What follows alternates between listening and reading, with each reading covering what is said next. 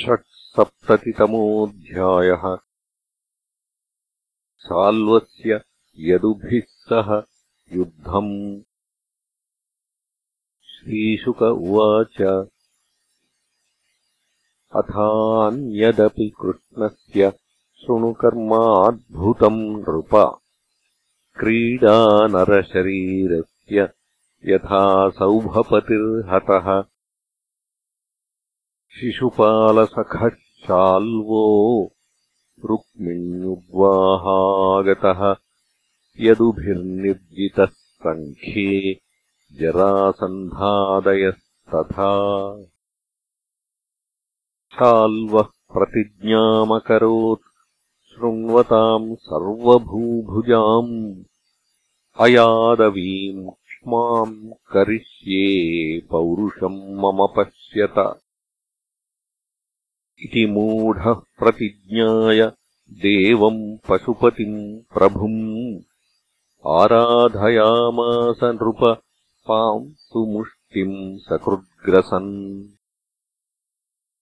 संवत्सरान्ते भगवानाशुतोष उमापतिः। वरेण छन्दयामास शाल्वम् शरणमागतम् देवासुरमनुष्याणाम् गन्धर्वोरगरक्षसाम् अभेद्यम् कामगम् वव्रे प्रयानम् वृष्णिभीषणम् तथेति गिरिशादिष्टो मयः परपुरञ्जयः पुरम् निर्माय शाल्वाय प्रादात् सौभमयस्मयम् सलब्ध्वा कामगम्यानम् तमोधामदुरासदम् ययौ द्वारवतीम् शाल्वो वैरम् वृष्णिकृतम् स्मरन्। निरुध्यसेनया शाल्वो महत्या भरतर्षभ। पुरीम् बभञ्जोपवनान्युद्यानानि च सर्वशः स गोपुराणि द्वाराणि प्रासादाट्टालतोलिकाः विहारान् सविमानाग्र्यान् निपेतुः शस्त्रवृष्टयः शिलाद्रुमाश्चाशनयः सर्पा आसारशर्कराः प्रचण्डश्चक्रवातो भूत् रजसाच्छादिता दिशः। इत्यर्ज्यमाना सौभेन कृष्णस्य नगरी भृशम्। नाभ्यपद्यतशम् राजम् स्त्रिपुरेण यथा मही। प्रद्युम्नो भगवान् वीक्ष्य बाध्यमाना निजाः प्रजाः। मा भैष्येत्यभ्यधाद्वीरो रथारूढो महायशाः। सात्यकिश्चारुदेष्णश्च साम्बो क्रूरः सहानुजः हार्दिक्यो भानुविन्दश्च गदश्च शुकसारणौ। अपरे च महेश्वासा रथयूथपयूथपाः। निर्ययुर्दंसिता गुप्ता रथेभास्वपदातिभिः ततः प्रववृते युद्धम् शाल्वानाम् यदुभिः सह। यथासुराणाम् विबुधैः तुमुलम् लोमहर्षणम् ताश्च सौभपतेर्माया दिव्यास्त्रैरुक्मिणीसुतः क्षणेन नाशयामास नैशम् तमैवोष्णगुः विव्याधपञ्चविंशत्या स्वर्णपुङ्खैरयोमुखैः शाल्वस्य ध्वजिनीपालम् शरैः सन्नतपर्वभिः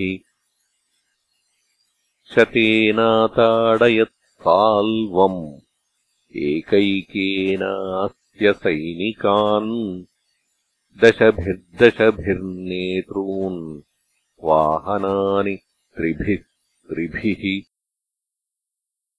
तदद्भुतम् महत्कर्म प्रद्युम्नस्य महात्मनः दृष्ट्वा तम् पूजयामासुः। सर्वे स्वपरसैनिकाः। बहुरूपैकरूपम् तद्दृश्यते न च दृश्यते। मायामयम् मयकृतम् दुर्विभाव्यम् परैरभूत्।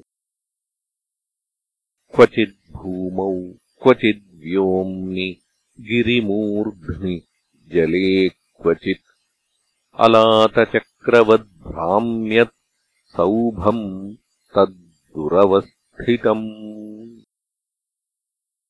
यत्र यत्रोपलक्ष्येत सौभः सह सैनिकः शाल्वस्ततस्ततो मुञ्चन् शरान् सात्वतयूथपाः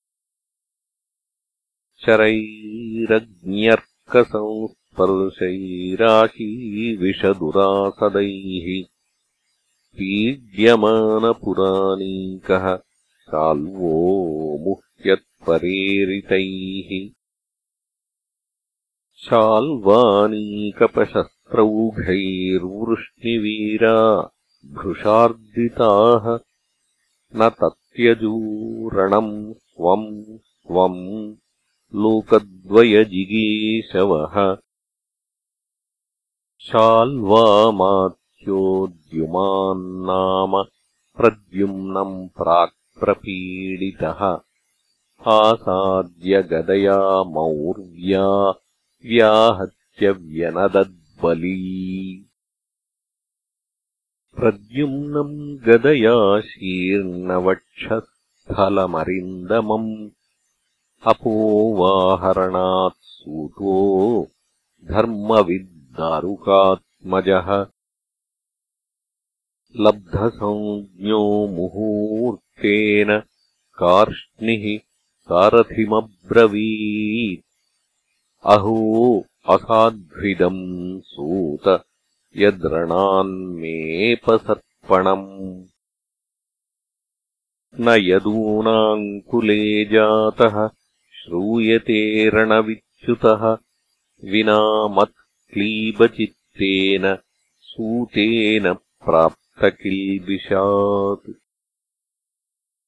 किम् नु वक्ष्येऽभिसङ्गम्य पितरौ रामकेशवौ? युद्धात् सम्यगपक्रान्तः पृष्टस्तत्रात्मनः क्षमम्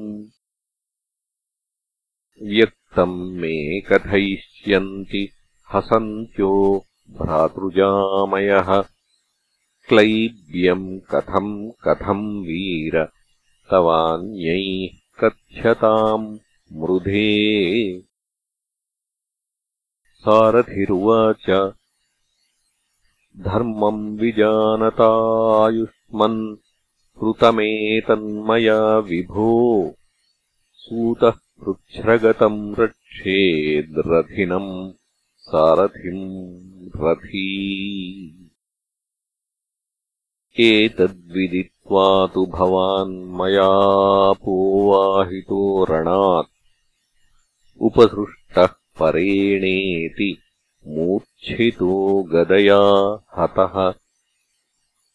इति श्रीमद्भागवते महापुराणे पारमहंस्याम् संहितायाम् दशमस्कन्धे उत्तरार्धे षट्सप्ततितमोऽध्यायः